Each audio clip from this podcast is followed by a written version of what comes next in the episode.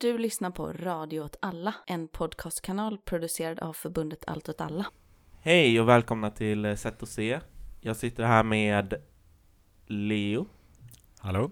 och Ellen, Hej! som vanligt. Vi dricker. Ja, vi dricker Slånbärs GT. Ja, Grymt gött. slånbärslikör eh, känd från förra avsnittet.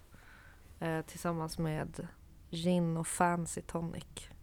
Jag har hört för mig att Slånbär bara växer i Bohuslän, men det kanske är fel. Jag tror också att, inte bara i Bohuslän, men det växer bara på västkusten för Ja. att de eh, ehm, Alltså buskarna typ frodas av saltvatten. Så de växer bara precis vid havet Och också. Bohuslän, eller västkusten, är enda stället i världen som har saltvatten. Okej, men ska vi köra igång direkt då? Jo, let's go.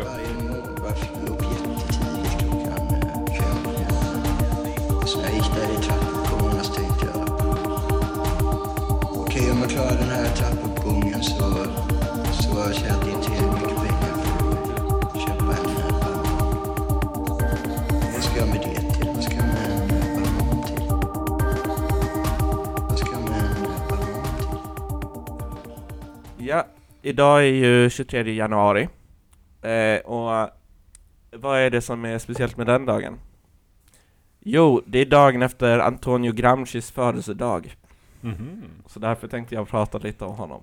Grattis Gramsci. Mm. Eh, jag vet inte hur gammal han skulle ha blivit. Nej, men det var så att eh, jag över julledigheten så läste jag en eh, biografi om eh, Antonio Gramsci, skriven av eh, en gubbe som heter Santucci, hette död. Um, och så tänkte jag lite på att eftersom att vi i förra avsnittet pratade om om typ lite om så här hur kultur, alltså relationen mellan kultur och politik, att uh, det kanske kunde passa sig att jag uh, pratade om honom. Um, jag tänker att uh, många som lyssnar på det här ändå är relativt bekanta med Gramsci, men om man inte skulle vara det så var han en em, eh, italiensk eh, kommunist eh, som eh, fängslades av fascisterna ehm, och för sitt politiska arbete och där så ehm, liksom skrev han sina viktigaste bidrag till ja, men marxistisk teoribildning i små så här skrivhäften för barn, Mhm. alltså som de har i skolan, för att det var ju tvungen att ske i hemlighet. Och eh, det han utvecklade där var ju en lite så här speciell teori kring eh, begreppet hegemoni. Och ja, men vad, vad betyder hegemoni?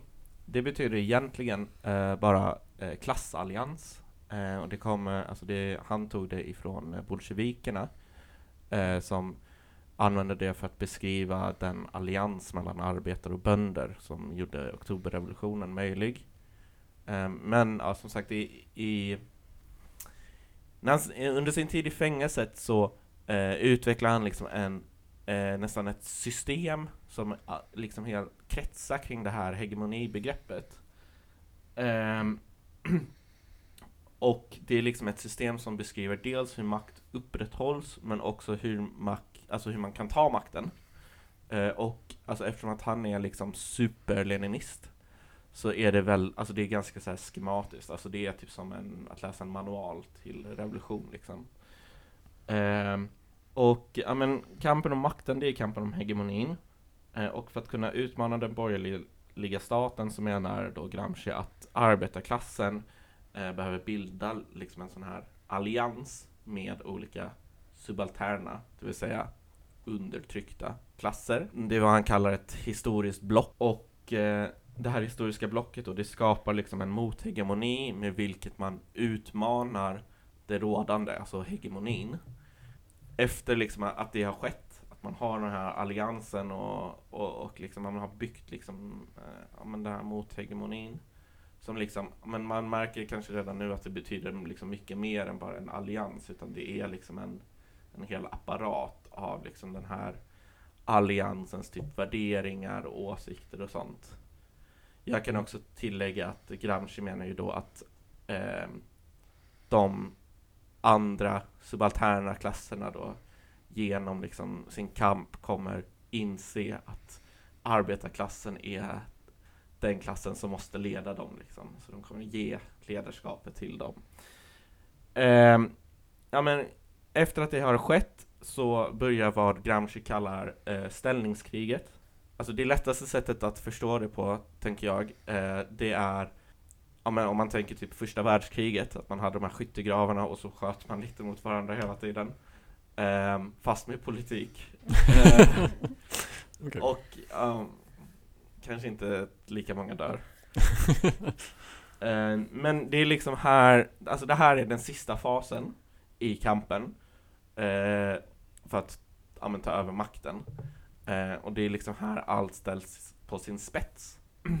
ja, alltså så här, in, innan jag fortsätter lite längre så tänkte jag att jag kunde prata, alltså nämna att eh, eh Laclau Mouffe som eh, pratar om, alltså som kanske är liksom mest eh, skyldiga eh, till att återintroducera det här begreppet i liksom den i liksom politisk eh, eh den politisk, det politiska samtalet. De, eh, ja, men när de skrev en bok på 80-talet, då i princip så byter de ut klasserna mot grupper för att eh, på 80-talet så hade man de här så kallade nya sociala rörelserna.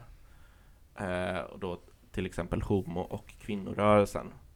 Så de argumenterar ju då för att eh, vänstern ska liksom bilda en allians med de här subalterna grupperna då för att ta makten. Okej, men i alla fall, alltså det här är också väldigt liksom skissart, eller alltså väldigt snabbt. Det är ju såklart väldigt mycket mer komplicerat än det här.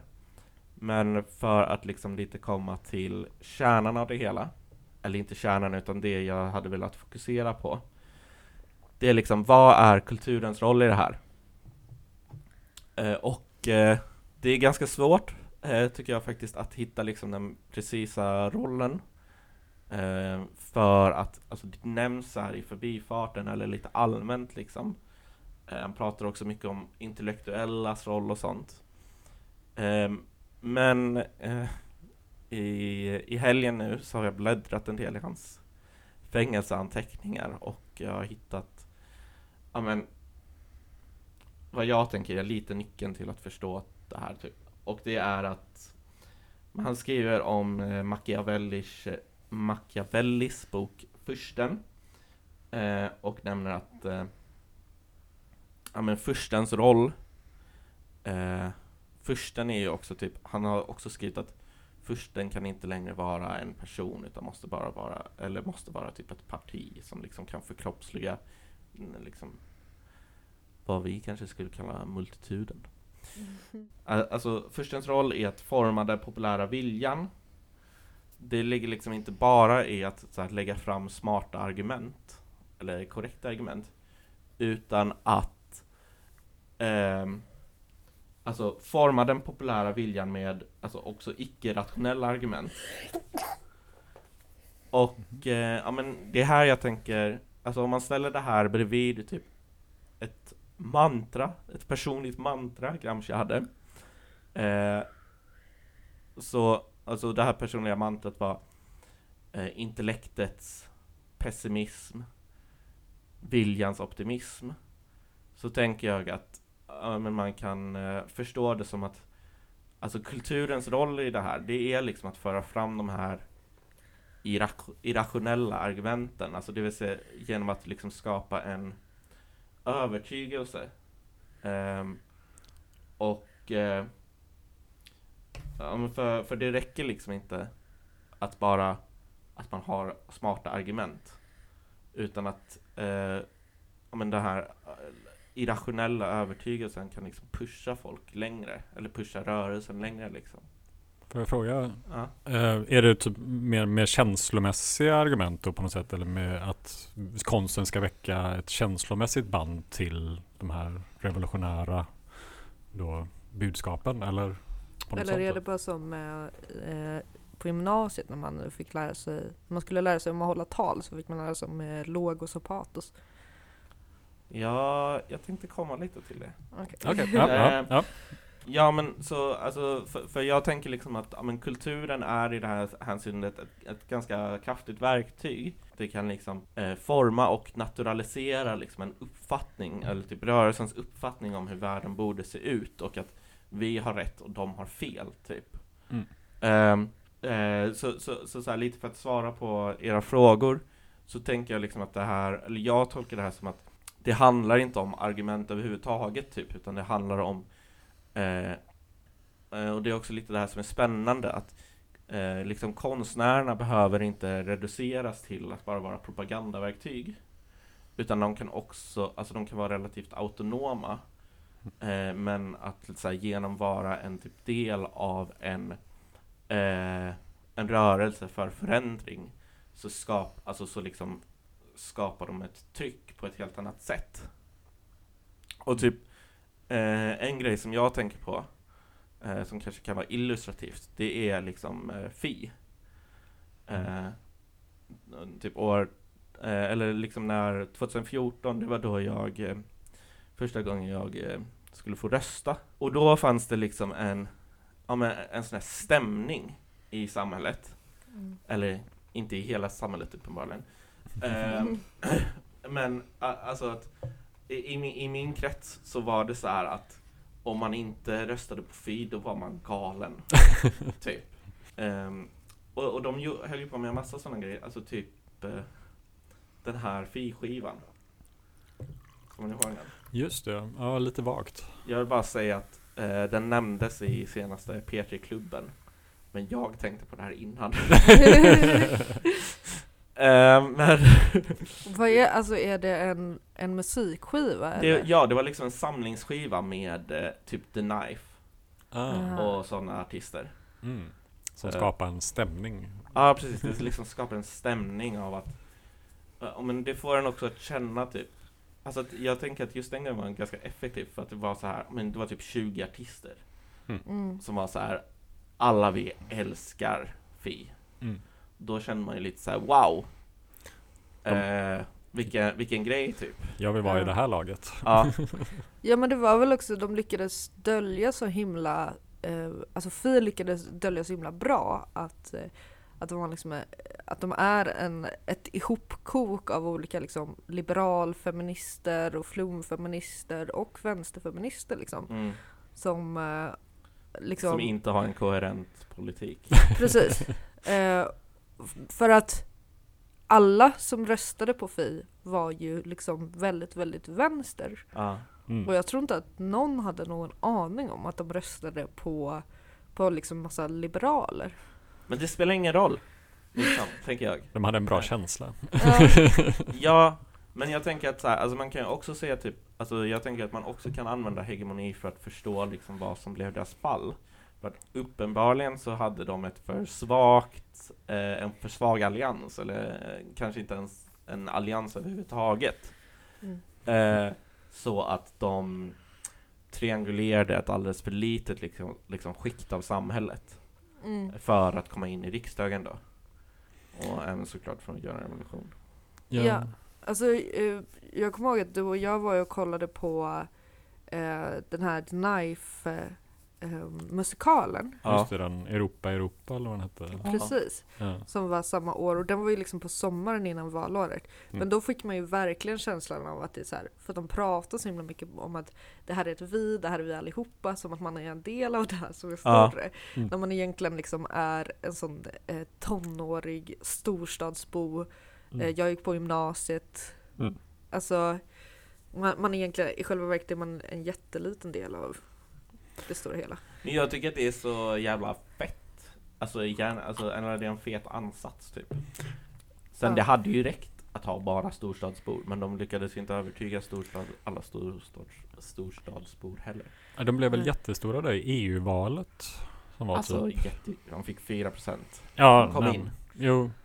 Men sen var det väl att det föll på också att de den representanten de fick in röstade på någon sån här gubbe att den skulle styra någon sån här grupp inom EU. Kommer, det här kan man klippa bort. Men ja, men det var någonting sånt. Eh, och, men det var väl helt enkelt att de liksom föll, alltså, de, alltså där de liksom gjorde ett ja, men om man ska tänka med liksom Gramsci då, typ att de gjorde den här, de gick in i det här ställningskriget och liksom satsade allt och så blev de besegrade.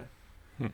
Ehm, alltså jag tror att med den strategin de valde så, eller i allmänhet med nya partier så hade man behövt ta mycket större del av kakan, alltså typ SD. Mm. Mm. De har ju lyckats få 10, alltså de kom ju in på, i och för sig bara typ 6% eller någonting. Ja. Ja men de, de, liksom, de lyckades ju med, med den grejen. Ja. Och de hade jobbat mycket längre SD också på att bygga upp en, en organisation på något sätt. Så Mm. det var väl det att Fi gick upp väldigt, väldigt snabbt och blev stora, eller ganska stora och sen föll rätt platt igen. Mm. Folk såg igenom dem lite på något sätt. Mm. Mm. Ja det är ju det är väl illa liksom när man inte lyckas få en sin egna publik övertygad i längden. Nej, Uppbyggt för förfall liksom. Ja men det, alltså det visar typ också så här svagheterna i en så här Alltså i att ha en för typ kulturell förståelse av hegemonibegreppet. Alltså för att jag upplever ofta att när folk pratar om hegemoni att de i själva verket menar ideologi. Alltså att det bara rör sig på idéplanet på något sätt. Att det bara handlar om typ saker som skrivs eller, eller alltså texter och sånt. tycka rätt grejer. Ja, men det handlar ju liksom om Alltså, alltså det som är typ bra med att läsa Gramsci tycker jag, alltså det är att man kommer fram att det är väldigt liksom materiella krafter. Mm. Ehm, men också ett extremt stort myller, vilket gör att det är mycket mer intressant än så här klassisk, alltså ortodox marxi- marxism. Liksom. Mm. Ehm, så för att svara på din fråga från förra avsnittet så det är din fråga Ellen. Det är konstens relation till politik. Ställde jag den frågan förra gången? Ja, du, du sa någonting sånt. Vilken smart fråga det låter som. Ja, Bra frågat. Mm. Men att vara det konstens, att, att skapa en, eh, en känsla av att man har den här sammanhörigheten och men att det också ska vara grundat i något materiellt eller? Ja alltså de, de har men, Alltså konstens uppgift är att föra fram ja, men vad man kanske kan kalla då irrationella argument typ. Mm. Alltså så här känslo, Mm. ja men en, en känsla liksom. Mm. Eh, men sen, alltså det, det måste ju fungera i, eh, alltså tillsammans liksom, med en liksom reell politisk rörelse liksom, Mm. Mm. eh, som gör saker på riktigt. Med det så kommer vi faktiskt strålande in på dagens nästa ämne. Oj. Mm. Ehm, där vi ska prata om två filmer ungefär, kanske några Mm. fler. En eh, enligt mig superdålig som absolut eh, misslyckas med eh, det du sa. Mm. Och så en film som jag i alla fall tycker lyckas bättre. Vilka är det då? Vi har ju allihopa kollat på Världens värsta människa. Mm. Ja. En film av Joakim Trier. Mm. Och eh, jag och Leo har kollat på eh, den här Netflix blockbustern Don't Look Up. De är liksom, det är två filmer som är liksom i varsitt hörn av, eh, av film. Bra och dålig. ja men precis. Rolig och tråkig. Ehm, ja, alltså. Hmm.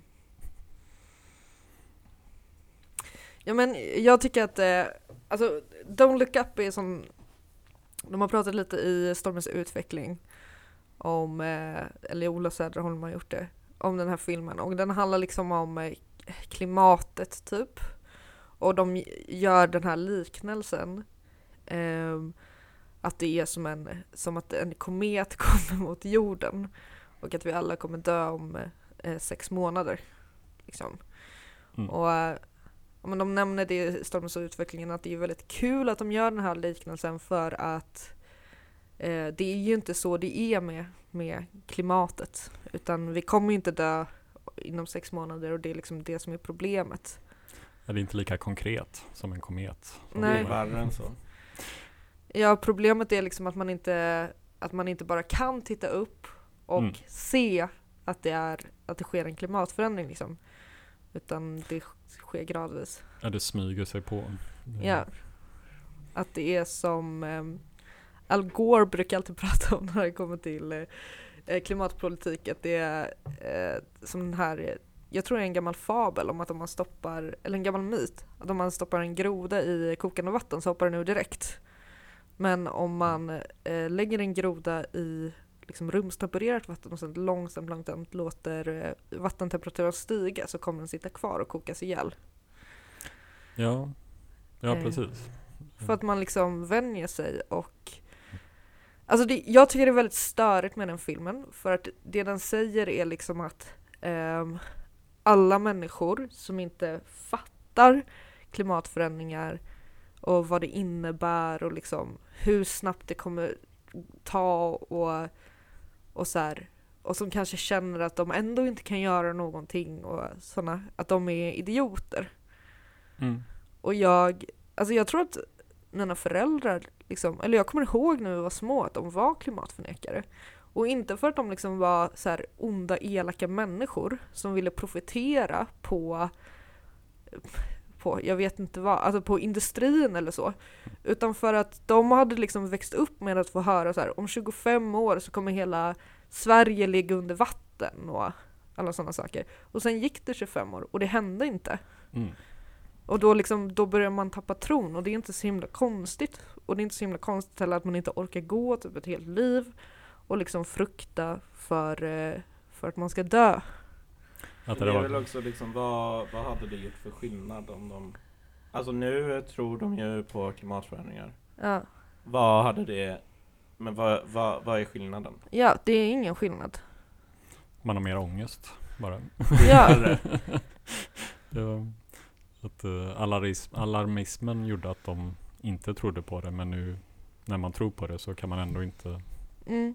Alltså jag och min mamma källsorterar exakt lika mycket som hon gjorde innan. Min pappa Mm. också, han har aldrig källsorterat för han är helt övertygad om att det är värre för eh, klimatet att källsortera liksom.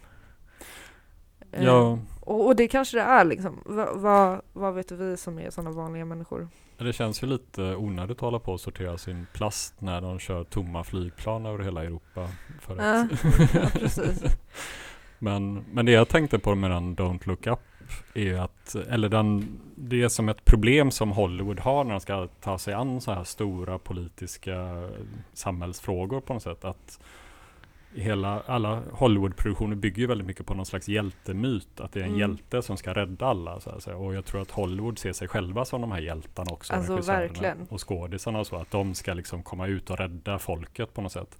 Att man har aldrig med vanliga människor eller massor eller organiserade folk som en faktor i de här filmerna. Det existerar liksom inte. Det finns inte. Nej, De och det, förekommer ju bara som en dum hord liksom. Ja, ja, och det som är också farligt.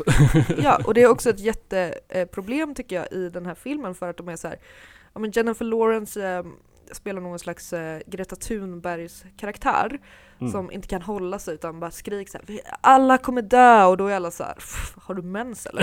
typ. Eh, och, så liksom, och så lyckas hon eh, säga hur det faktiskt ligger till för några när hon sitter på en bar och då liksom utbryter ett upplopp. Och då Mm. säger de liksom rätt ut i, i filmen så här. Se nu vad du har skapat, se vad du har Mm. gjort. Det här är, är inte bra för någonting liksom. Mm. Så det de säger rätt ut, det är både så här, alla ni som eh, går och arbetar varje dag och bara liksom försöker Mm. klara livhanken, ni är idioter för att ni inte eh, tror på klimatförändringar. Och ni är också idioter när ni liksom eh, tar, tar det enda medlet ni har för att visa ert Mm. missnöje. Precis. Det är så äckligt bara. Alltså, jag är så dubbelbestraffning. ja, jag, eh, jag, jag är liksom beredd att, eh, att stå för idén att, att filmer som den här är liksom anledningen till att folk inte tror på klimatförändringar. För att man vill inte vara som, alltså man vill inte tillhöra flocken, s- den flocken som har gjort de här filmerna. Nej, precis. För det är bara dumförklarar människor. Ja. Jag läste en eh, artikel i Gawker som handlade om att eh, man måste få, det handlar om den här filmen, och de sa att eh, de hävdade att eh, folk bara säger att det här är en bra film för att den handlar om ett viktigt ämne. Men man måste få säga att även sådana filmer är dåliga. Och Ja. det håller jag helhjärtat med om. Alltså I verkligen. allmänhet liksom. Jag har ju inte Ja. sett filmen. Alltså jag, jag tyckte att hade den varit kanske en timme kortare eh, så hade den varit ganska underhållande dum komedi att titta på, lite så här farsartad så Mm. liksom att ja, lite lättsam underhållning, absolut inte mycket mer liksom. Men eh, nu känns det bara som att det är massa så här, ja men Hollywood-liberaler som fått feeling, alldeles för mycket feeling och bara improviserat loss i flera timmar och Mm. gjort något sånt här jävligt självgott. Liksom bara titta på oss, vad viktiga vi är och för att vi tar det här på allvar och vi försöker göra något gott och dumförklarar alla människor i hela världen samtidigt.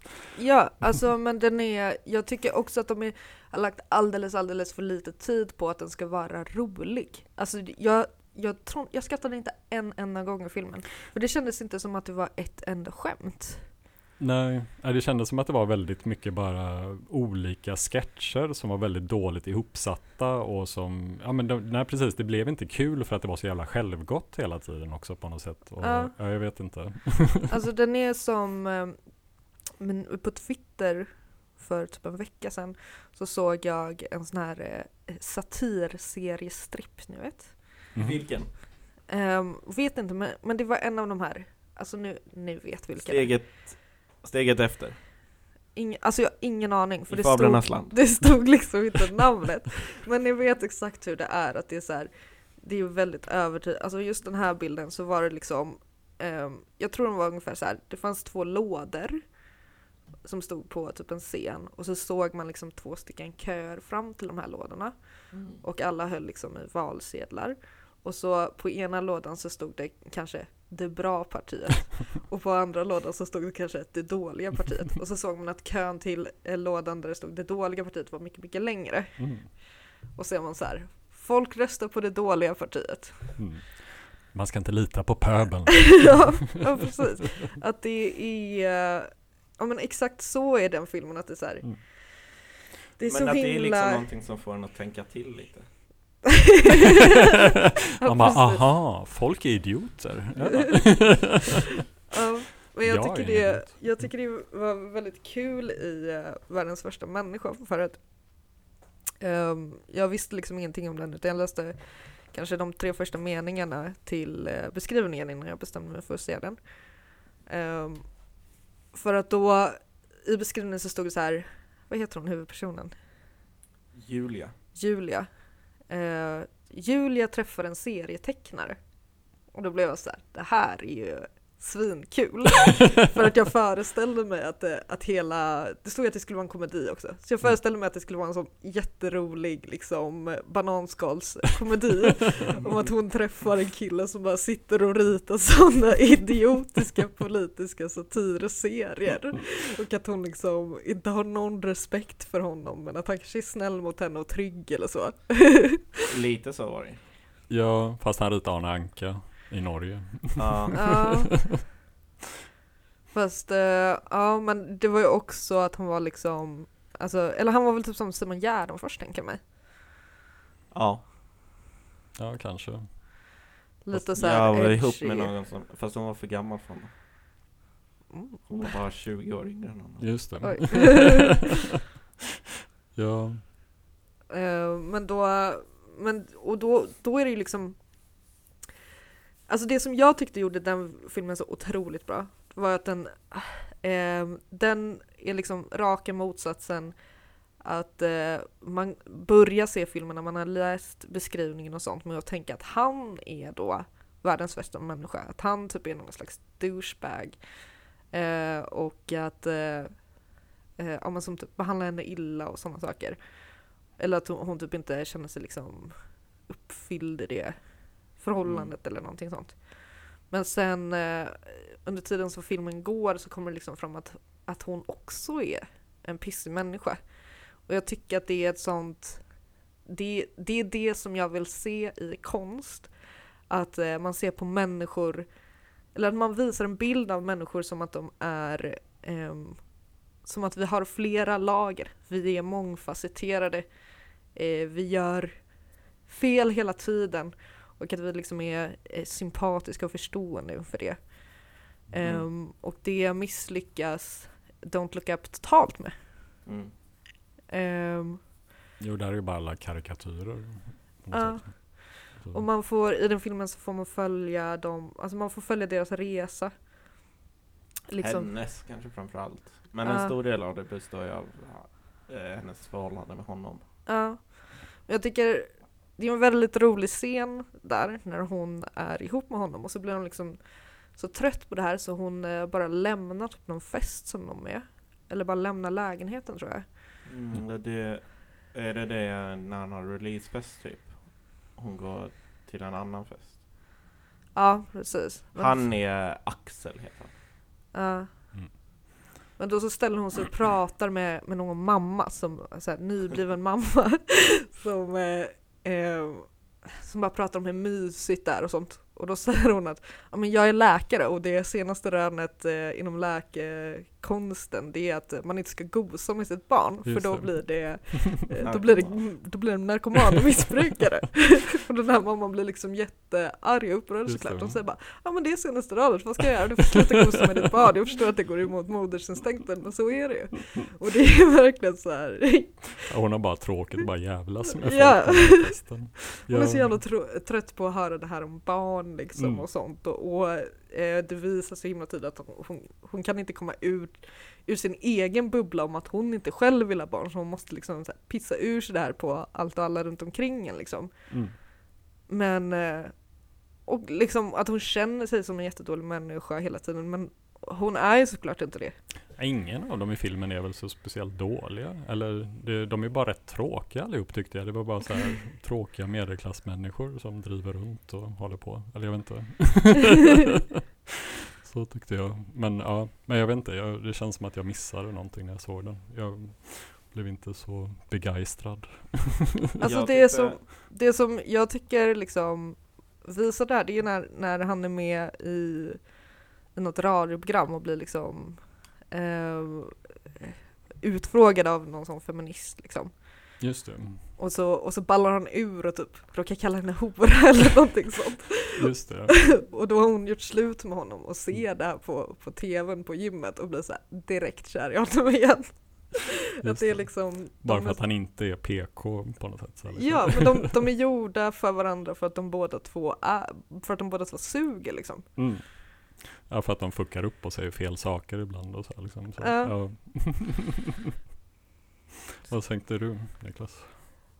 Ehm, alltså jag tyckte ändå, alltså jag tyckte alla var ganska normala människor. Ja men precis, det är exakt det jag menar, att det är, det är på det sättet som eh, människor ska porträtteras. Att, eh, eh, för det är så vi människor är, att vi, vi gör fel och, sen, och vi gör samma fel flera gånger. Eh, och jag tror verkligen att svaret är liksom att, eh, att vara medveten om det och att vara liksom känslig inför det och Mm. förstående. Ja men vi så, eh, vi såg den ju på bio, jag och Ellen. Eh, och eh, den var, alltså fotografiet, det var helt underbart. Mm. Eh, men jag tyckte också det var typ ett intressant grepp. Tänkte du på att, eller tänkte ni på att det var sommar hela tiden? Ja. Ja, Så att eh, tiden, det liksom, eh, man, man förstod inte att tiden gick. att det var så ljust på nätterna. Att de Ja. gick runt mitt på nätterna och att det var helt... Och så helt plötsligt så var, alltså i början av filmen var hon 25 och sen helt plötsligt firar hon sin 30-årsdag. Jag tyckte det var typ ett intressant grepp bara i allmänhet för att det liksom Jag tycker att det visar på ehm, Alltså hur, hur det är att vara typ ung vuxen. Alltså att det, de här milstenarna finns liksom inte utan man bara flyter runt. Ja, fast det är... Jag har inte tänkt på det för, nu förrän eh, du sa det. Men, eh, men det finns ju ett ställe där det är vinter. Och det är ju när han håller på att dö av cancer. Ja. Eh, och det, det är ett sånt, det är som eh, de gör i, eh, vad heter den? Eternal Sunshine of a Spotless Mind. Mm. Mm. Att där varje gång det är bra liksom, så är det sommar Mm. och när det är dåligt så är det vinter. Ja, ja, ja.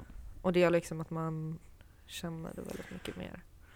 Just Men det. ehm, ja, i alla fall, jag började kolla på den här filmen för att jag gillar typ eh, Meryl Streep och eh, Jonah Hill. Eller de har liksom gjort, Don't look det- up menar du? nu?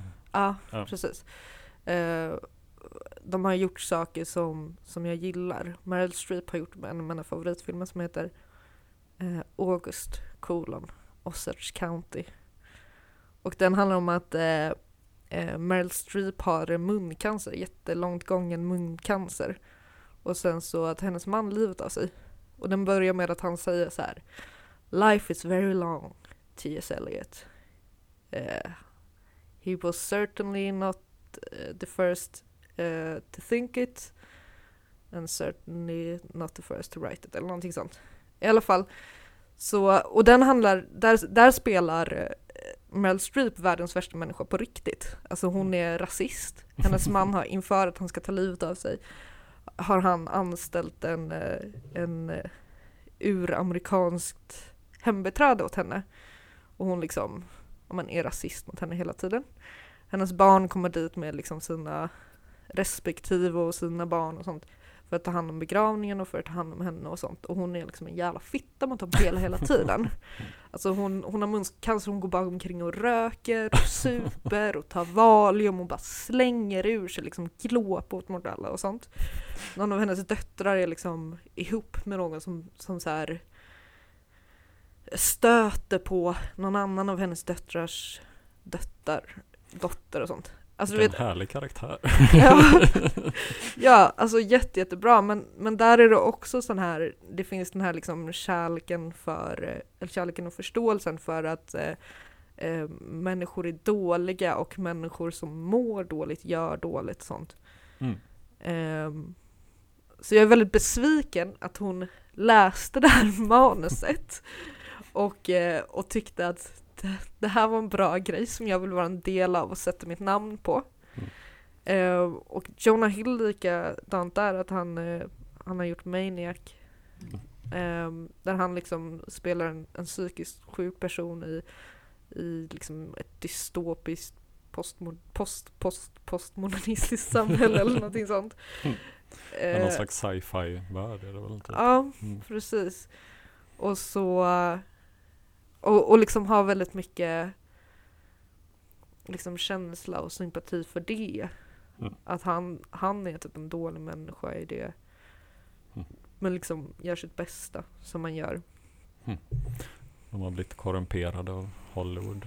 Mm. Man- Eller att man bara är så här, jag hatar Trump så himla mycket och jag, jag vill visa det. Just det, Ja, nu ska alla visa hur goda de är. Mm. Då blir det rätt tråkigt. Ja. Ja. Jag tänkte också alltså, att man kunde jämföra lite typ världens värsta människa med Don't Look Up. För att det kändes som att den var väldigt bra på att liksom meditera på döden typ. Alltså att Mm. det lät den göra det. Eh, Eller tvingade den till att göra det liksom. För att det är väldigt långa sekvenser av att han får cancer, Axel då, han får cancer och eh, han säger jag kommer dö. Och så gör han det liksom. Ja, och först i början så måste han liksom, nu börjar jag, jag grät jättemycket när jag såg den här filmen, nu börjar jag gråta igen. Men eh, först i början så är det jättemycket att han, han låtsas hela tiden att, att han kan acceptera att, eh, att han dör för att han vill inte att någon ska komma ihåg honom som så här ledsen och sånt. Och så slutar det med, vänta jag måste ta lite paus och Ehm, Men sen så slutar det med att han säger så här, men jag vill absolut inte det. Jag Ja. vill, jag vill gå hem och bara typ ligga i min säng med dig och det är det bästa jag vet och jag, jag har aldrig velat göra någonting annat. Ja, det är ju rätt schysst faktiskt med att visa att folk som ja, absolut inte vill det, som ändå gör det. Ja. Så liksom. Att annars ska det alltid vara så här, folk som accepterar det och det är så här fint och vackert och så. Men att, Ja. Jag tyckte det var så himla starkt också att få känna så här. jag trodde inte på att han skulle dö liksom. Mm. Men, Mm. men det gör han ju. Mm. Och det finns ingenting man kan göra åt det. Men jag är fortfarande ledsen över att, att han dog. Den här fiktiva karaktären liksom. Har ni sett han Joakim Triers andra film här Oslo 31 augusti? Mm, Nej men jag har sett Telma. Mm. Men den Oslo 31 augusti kan jag rekommendera väldigt varmt. Den, Mm. jag gillar den väldigt, väldigt mycket. Så att jag hade nog lite för höga förhoppningar kanske på den här Mm. filmen. För att jag tycker om den så otroligt mycket. Och att den, den, det är lite samma teman på något sätt. Liksom Mm. så. Men, jag, ja, men se den om ni gillar den här. Så. Mm. Göra. Den, Telma och eh, Världens värsta människa är Oslo-trilogin. ja, okej. Det är tydligen. Mm. Eh, Telma är också superbra. Ja, ja, den har jag inte sett.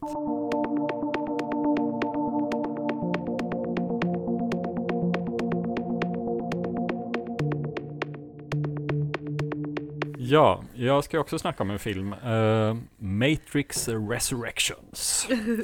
Eh, lite annan typ av film kan man ju säga. Eh, Jag har väldigt bra minnen från Matrix för att när vi var små så Mm. brukade ibland pappa sjukanmäla oss, oss allihopa Mhm. och sen eh, åka och köpa typ ett kilo godis och hyra Matrix. Fan vilken uh, god kväll det låter som. Ja, Dagmar. Ja, dag. Så.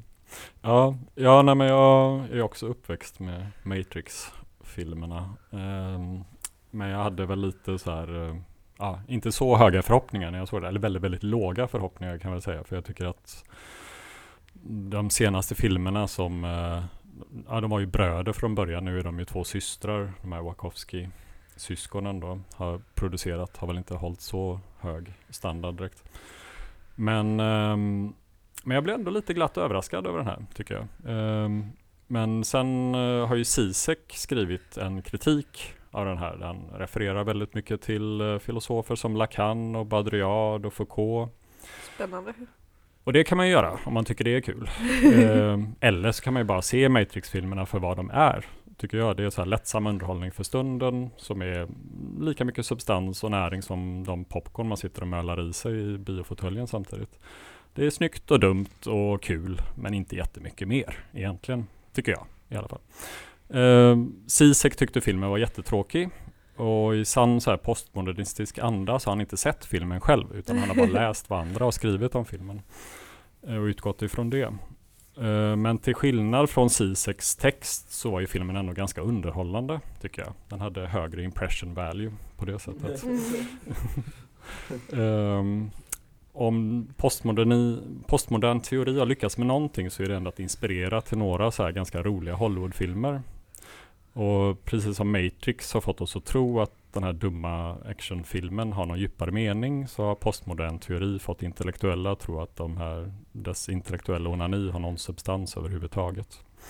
Sen så är ju båda väldigt antirevolutionära. Matrix eh, utgår ju lite grann ifrån att allt motstånd bara är en del av systemet eh, och att det inte leder någon vart.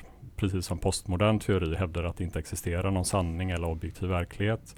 Och det bara blir en ursäkt för intellektuella att inte göra ett skit som att organisera sig för att förändra systemet. För att ja, ingenting är ju på riktigt ändå. Eh, och det jag gillar med filmen, eh, ändå om man ska plocka ut någonting, någon slags substans i den, så är det att den ändå lyckas sätta fingret på några av de här kontrollmekanismerna som kan användas för att hålla oss i schack inom kapitalismen och löneslaveriet. Som så här ytligt kristi, kritisk underhållningsindustri, sociala medier och smarttelefoner, status och karriärsjakt, familj och barn, terapi och medicinering.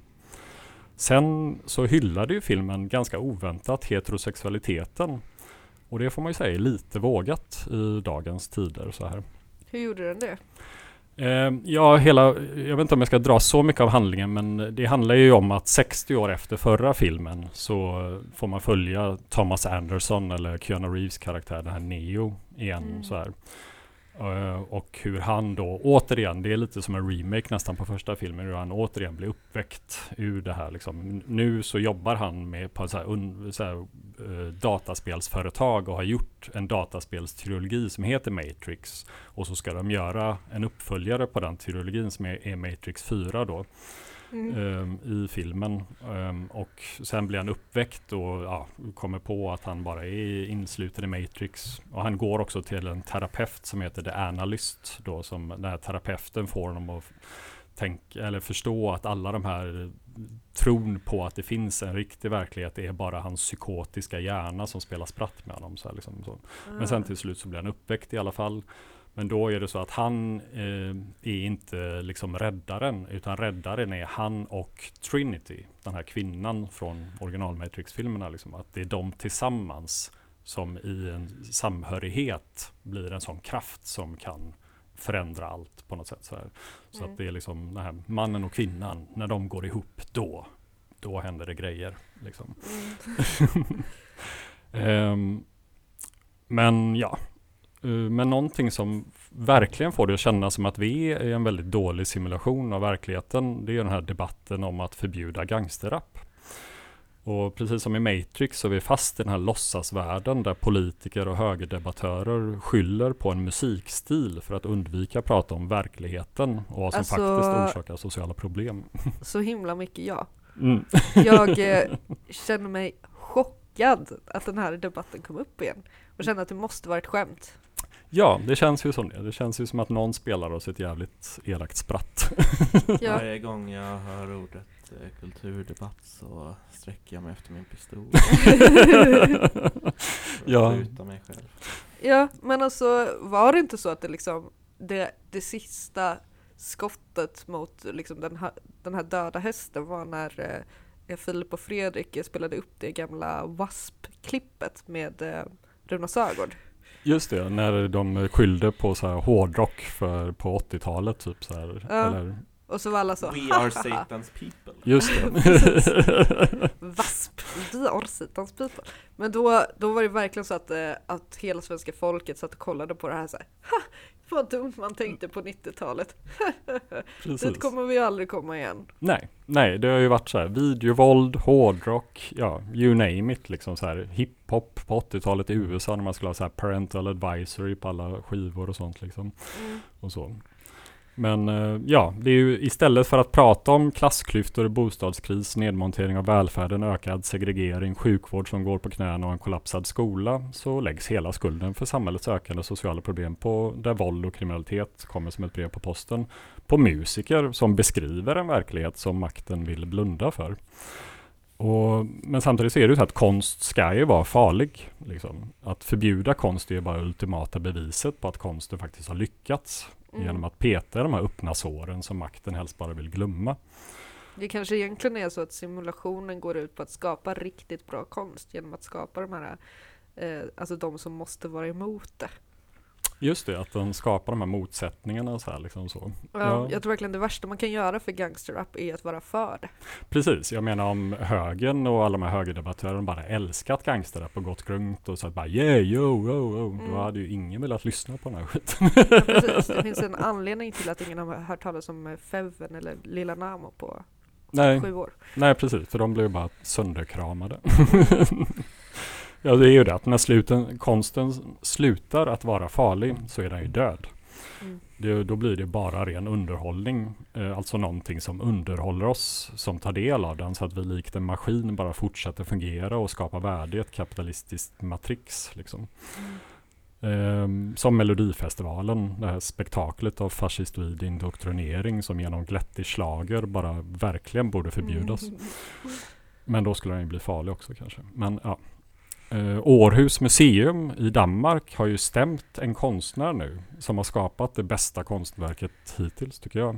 Eh, Ta pengarna och spring heter konstverket. Och det är en dan- dansk konstnär som då ställt ut två tomma ramar. Och han tog då pengarna, en halv miljon danska kronor, eh, ja, och ställde ut de här tomma ramarna. Och nu försöker museet då stämma den här konstnären och kräva pengarna tillbaka. Mhm. Och det tycker jag är ett helt jävla briljant konstverk. Det, där känns det ju också som att eh, Århus museum bara helt och hållet är med på det. Om, Det- Vi, är, om vi är för nu då kommer det här vara helt meningslöst. Ja, jo precis. Att det, det, det känns ju lite som att de kanske bara är maskopi. För det har också blivit en publikrusning till museet för att se de här tomma ramarna. Eh, Så, ehm, ja. Känns lite gjort där. Ja men Mm. ganska roligt. Ja, ja, jo, det, Alltså, eller det hade varit väldigt gjort om eh, eh, museet inte stämde honom. ja. Jo, det, det är ju lite det här gamla devisen att konst är vad du kommer undan med. Liksom, så här. Mm. Att det, mm. Men så. jag tycker, det är, jag tycker också att det är en grej som tåls att göra om och om igen. Ja. Ja, ja vad fan, konstnärer måste ju överleva på något sätt. Så att Ja. ta pengarna och spring. Jag tycker också att det är en sån, det är sån win för eh, arbetarklassen att se, att se kanske så här eh, eh, jätterik New York-elit Mm. eh, liksom betala. Jag kommer ihåg för några år sedan så var det någon som gjorde eh, osynlig konst Ja, i, i just New York. Så de gjorde en hel utställning med bara osynlig konst. Det var bara liksom en, hel, en tom utställningssal. ja, Och det är ju, och folk betalade liksom ja, ja men, eh, hur mycket pengar som helst för, alltså det var inte ens en ram liksom. Nej. Jag bara ser framför mig hur det går till att någon går fram till den här väggen och liksom låtsas plocka ner den tavlan, tar emot pengar. Det är ju fan. Det är ju svinkul. Det är ju svinbra. Ja men verkligen. Ja men bara blåsa de här rika jävlarna på så mycket pengar det går. ja, och det finns ju ett konstverk här i Göteborg som heter Evig anställning, eller det skulle ha funnits i alla fall. Och det skulle då gå ut på att man har en anställd i 120 år som bara skulle vara på Korsvägens hållplats. Eh, Men det har då stoppats nu på grund av en teknikalitet. Och det här tycker jag också är ganska suverän konst på ett sätt. Så här. Det är ju lite grann allas dröm att bara få betalt bara för att vara. Liksom. Ja. Och det är ju klart att det måste stoppas, tänker jag. Det är ju alldeles för farligt. Tänk om alla skulle vilja ha det så. Att bara visa på en väg ut ur kapitalismen och löneslaveriet och matrixen på, det, på ett sånt Mm. enkelt sätt. Men egentligen kanske det är något att placera någon i helvetet, att tvinga den att stå på korsvägen hela tiden. Jo, det är kanske ett högt pris att betala, men eh, ja. men samtidigt en viktig symbol. Någon får ta smällen bara för att visa på. Absolut. Så. Eh, ja, det var min lilla prata. Mm. ja, Vem var konstnären som gjorde Korsvägens konstverk? det är två konstnärer. Um, jag ska se om jag... Det skulle vara lite mer grejer va? Ehm, Också. Ja, alltså de har byggt upp som en liten sån här eh, stämpelklocka och som ett Mm. litet kontor där, där den ska kunna gå och hänga av sig sina kläder och liksom hänga runt där. Så här, liksom så. Men det är två konstnärer som heter eh, Simon Goldin och Jakob Senneby. Eh, sen finns det någon slags baktanke med det här att de vill, för att pengarna som skulle betala lönen för den här konstnären, det är pengar som skulle investeras på aktiemarknaden. Och det skulle då visa att så här, avkastning av investerade pengar genererar mer pengar än vad arbete gör. Så att det Mm. finns någon sån baktanke med alltihop också. Så här. Men, och det var det här då som gjorde att det, inte, att det stoppades för att eh, offentliga medel får inte användas på det sättet eller något sånt där. Mhm. Men de borde ju Men- ta, nästan ta bort det då, för det är asfett att som konstnär ha, bara ha ett kontor mitt inne i stan dit man kan Ja. gå varje dag. Men, eh, det är ju, men konstnärerna ska inte sitta där. Nej precis, utan det är ju någon som ska anställas så man får ansöka om det här jobbet då. Så. Ah, Ja men Kulturrådet det har ju kritiserat Trafikverket Mm. som det var eh, som eh, upphävde det här. Det är lite Mm. roligt. Men det är också ganska rolig placering tycker jag för att alltså, man kan ju tänka sig att många eh, är ju liksom, många som är på Korsvägen är ju där för att de är på väg till jobbet. Mm. Ja. Så är det liksom bara den här människan som typ hånar. Eller jag tror att många känner nog att det är ungefär det de gör på jobbet. Mm. Bara är där. Kanske, eller alltså. Ja. Mm. Och det finns väl en sån allmän känsla. Det är väl därför liksom The Office blev så stort. Mm. För att, eh, ja. Igenkänningen av att bara göra något helt menlöst. Mm. Som där alla bara leker att man gör något Ja. viktigt. Alltså det, det är väl ett av de första avsnitten som Jim säger så här, ja, jag, jag, eh, ja, jag kommer inte jobba med det här för evigt liksom. Nej. Och sen då så får man ju se att han, han gör det sen liksom. Att han, att han säger så här, ja men om jag ska göra det här för evigt då kan jag lika gärna skjuta mig själv i huvudet. Det, det är så många som börjar sina jobb så att man tänker att det bara är liksom en tillfällighet och sen så fortsätter det i en oändlighet och man är aldrig riktigt lycklig men man vet samtidigt att så här, ett jobb kommer inte göra mig lycklig. Ja. Nej. Nej, det är bara ett nödvändigt ont som man måste för att kunna betala räkningarna. Liksom. Ja. Ja, alltså sen, alltså jag tror, äh, alltså jag tror också att många, alltså många är, alltså, jag, alltså, jobbar ju och sliter jättehårt på jobbet, men jag tror att man Mm. ändå kan känna att man inte gör någonting direkt. Mm. Att man, att man är alienerad eller inte känner Ja. någon koppling till vad man egentligen sysslar med på något sätt. Så, nej. Mm. Han, eh, David Graeber, min gamla käpphäst, han har ju skrivit en bok som heter um, Bullshit work. Bullshit Work. Ja, Bullshit precis. jobs. Bullshit Jobs. Och Mm. då gjorde han en undersökning som visar på att 30% i Storbritannien tycker att deras jobb är totalt onödiga. Ja. Det är liksom, finns ingen mening med det överhuvudtaget. så, så att eh, ja, de flesta sitter bara på jobbet och undrar vad fan de gör där. Så. Men sen ja, ab- absolut, det finns ju liksom vårdjobb och ja, massa jobb som är jätteviktiga och faktiskt fyller en funktion och när man faktiskt uträttar viktiga saker. Men eh, mycket jobb skulle kunna gå att bara ta bort också. Mm. Så. Ja, Är vi klara där? ja. Jag tror det. Eh, tack eh, för den här gången. Eh, ni får eh, jättegärna eh, stötta Allt åt alla Göteborg på Patreon. Patreon.com snedstreck allt åt alla gbg. Eh, så ses vi om en månad. Hej då! Hej då!